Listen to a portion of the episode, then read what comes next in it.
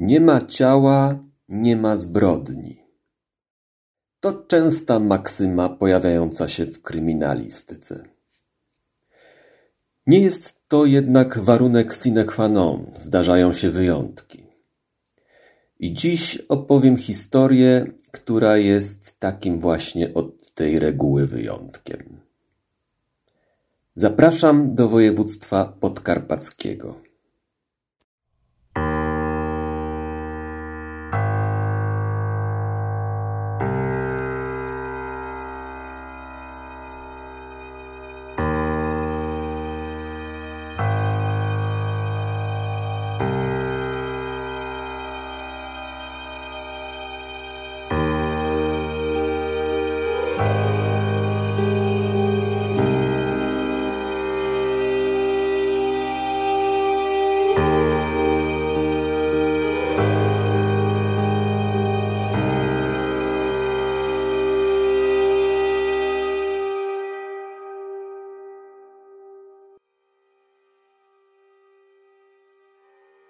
Jesteśmy w Jaśle, niedużym 35-tysięcznym mieście w południowo-wschodniej Polsce, w województwie podkarpackim.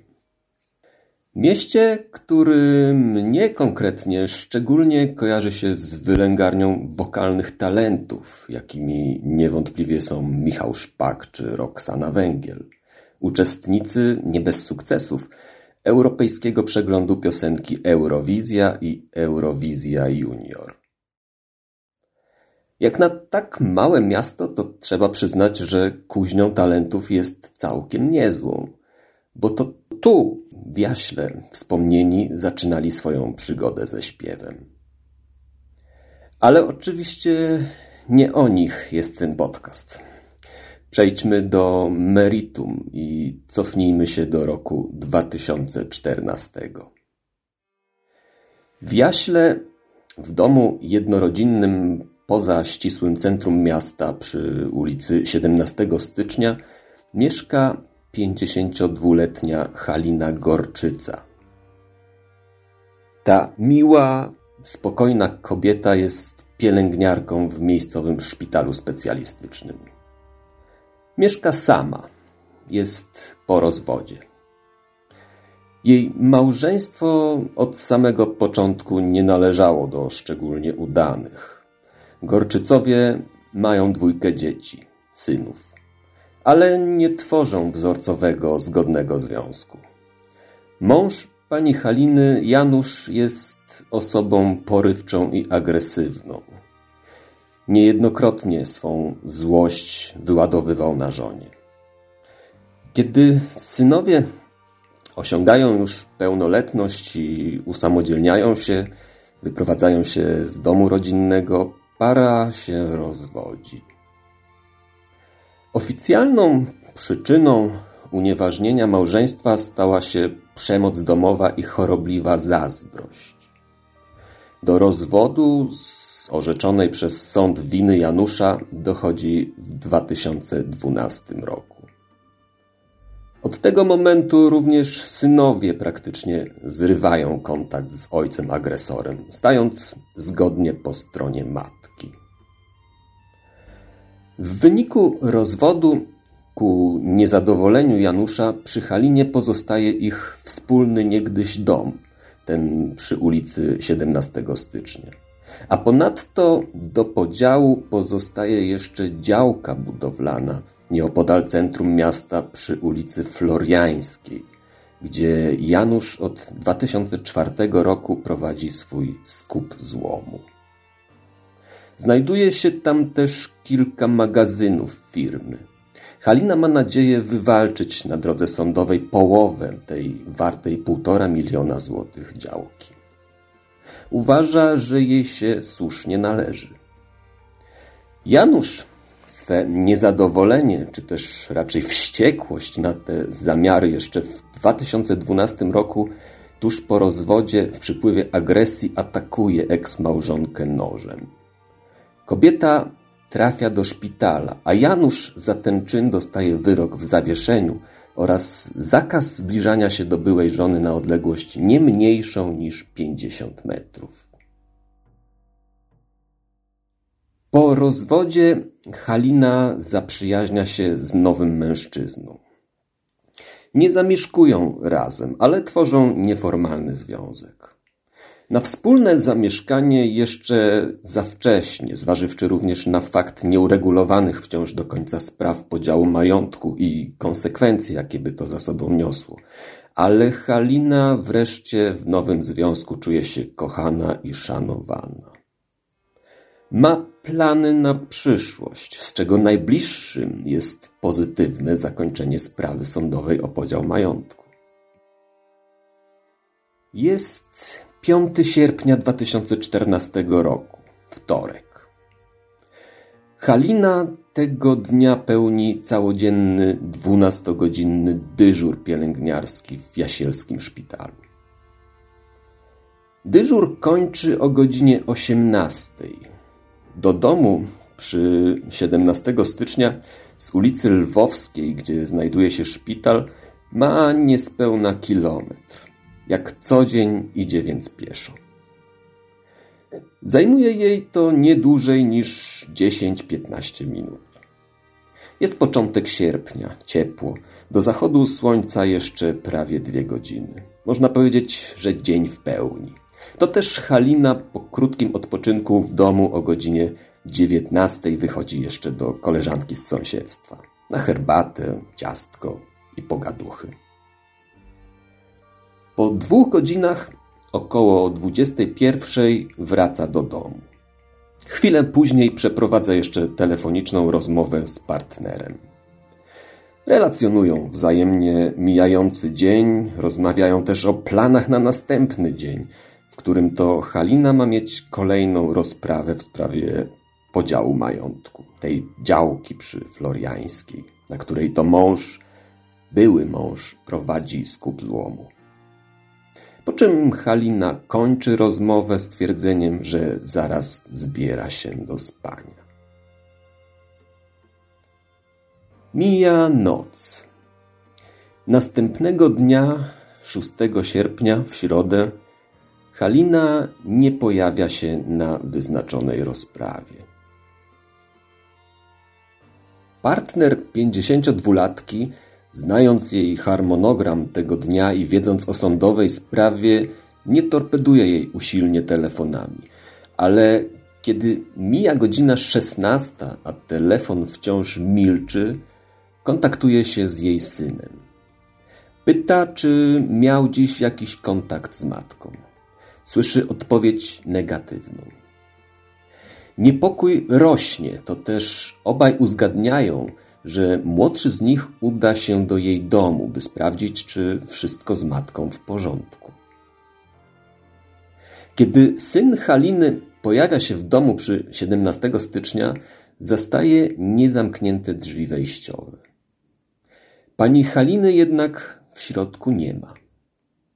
Nikogo nie ma, choć wciąż włączony jest telewizor. Nie ma śladów włamania, wszystko wydaje się też być na swoim miejscu.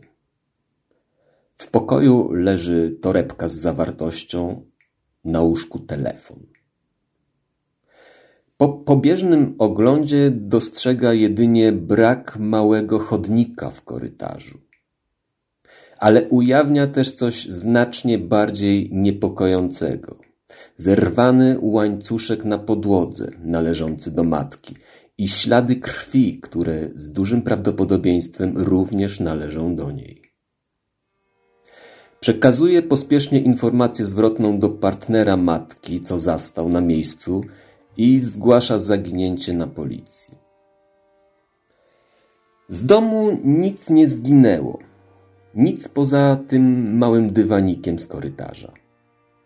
W momencie zaginięcia Halina Gorczyca musiała być prawdopodobnie w piżamie, tudzież koszuli nocnej, bo w mieszkaniu znaleziono też odzież, w której wieczorem była u sąsiadki.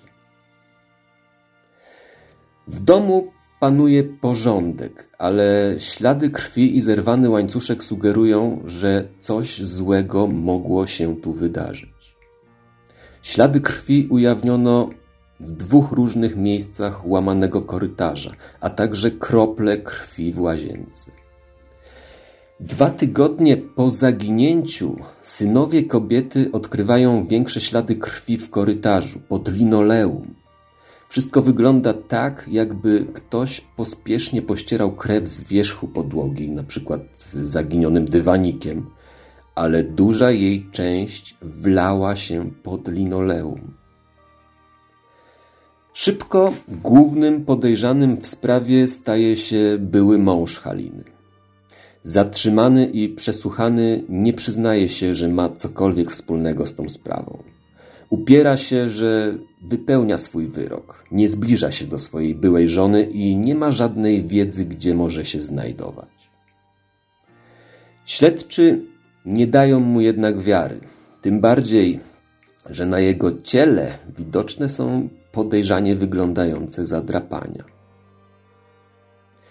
Nieprzypadkowy wydaje się fakt, że do zaginięcia pani Haliny dochodzi w przeddzień kolejnej zaplanowanej rozprawy.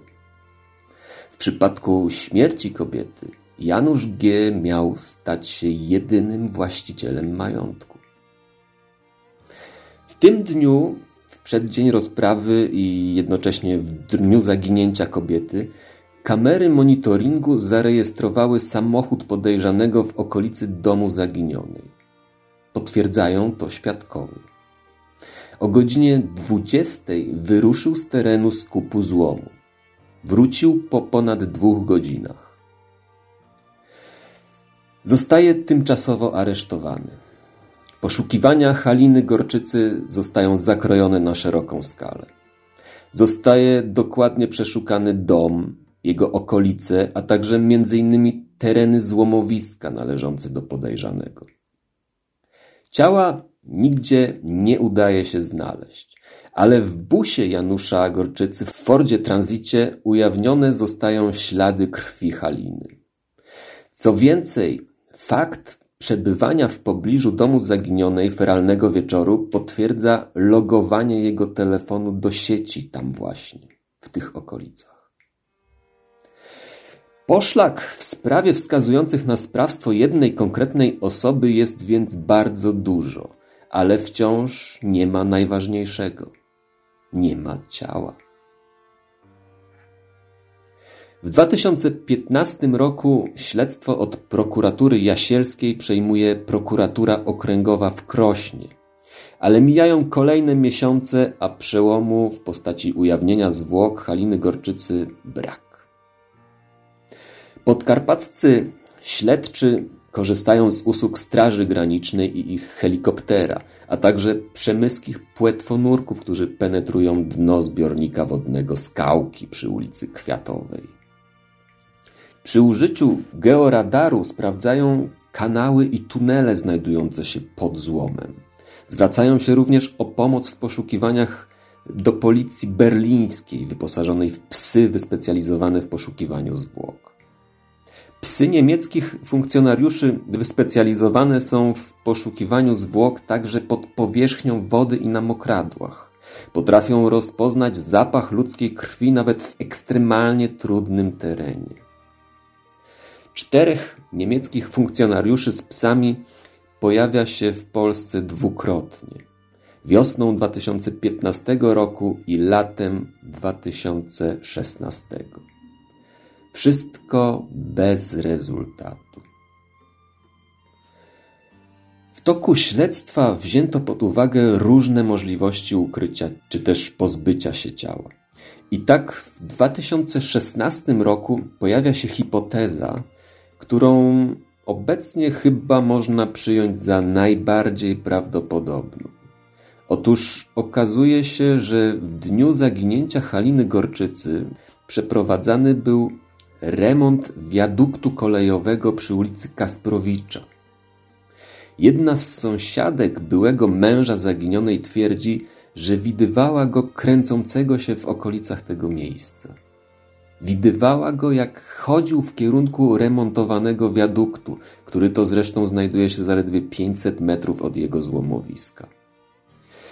Pojawia się przypuszczenie, że wówczas pod osłoną nocy zwłoki zostały ukryte w wykopie, który następnego dnia został zalany betonem przez niczego nieświadomych robotników. Tymczasem Janusz G., jak brzmi pełne nazwisko, łatwo wywnioskować, nie przyznaje się do winy i odmawia składania wyjaśnień. Nie zgadza się też na badanie wariografem, a biegli stwierdzają, że jest poczytalny. Spędza w areszcie łącznie dziewięć miesięcy, po czym zostaje zwolniony i dostaje dozór policyjny. 17 stycznia 2018 roku prokuratura okręgowa w Krośnie wobec braku ciała decyduje się ostatecznie na proces poszlakowy i kieruje akt oskarżenia przeciwko Januszowi G., oskarżając go o zabójstwo byłej żony. Jednocześnie oskarżony zostaje również o naruszenie zakazu zbliżania się do pokrzywdzonej orzeczonego prawomocnie w 2012 roku. Sąd w Krośnie po szeregu rozpraw uznaje, że mężczyzna zaplanował zbrodnię. Pojechał do domu swojej byłej żony i zaatakował ją ostrym narzędziem. Następnie zaciągnął do auta, gdzie zadał dodatkowe obrażenia i wywiózł w nieznane do dziś miejsce. Sąd nie dopatruje się okoliczności łagodzących i orzeka karę 25 lat pozbawienia wolności. Ponadto Janusz G. zostaje pozbawiony praw publicznych na 10 lat i obarczony kosztami zastępstwa adwokackiego i kosztami sądowymi. Przez cały okres śledztwa i procesu Janusz G. nie przyznaje się do winy. Jego adwokat w kwietniu 2020 roku zapowiada apelację od wyroku, powołując się na niewystarczającą ilość dowodów i brak pewności co do sprawstwa oskarżonego. Adwokat przed sądem apelacyjnym w Rzeszowie usiłuje podważyć wartość zeznań świadków i zebranego materiału dowodowego oraz wnosi o uniewinnienie, tłumacząc, że lepiej uniewinnić zbrodniarza niż skazać niewinnego. Jednak spośród 150 świadków zeznających w tej sprawie, adwokat jest w stanie podważyć zeznania zaledwie trzech z nich. Sam Janusz G. niezmiennie nie przyznaje się do winy, ale jego zeznania uznane zostają za pozbawione spójności, a wiele wypowiedzi za nielogiczne i zwyczajnie dziwne. Prawomocny wyrok w tej sprawie zapada 22 grudnia 2020 roku. Sąd apelacyjny w Rzeszowie podtrzymuje wyrok pierwszej instancji i skazuje oskarżonego na 25 lat pozbawienia wolności.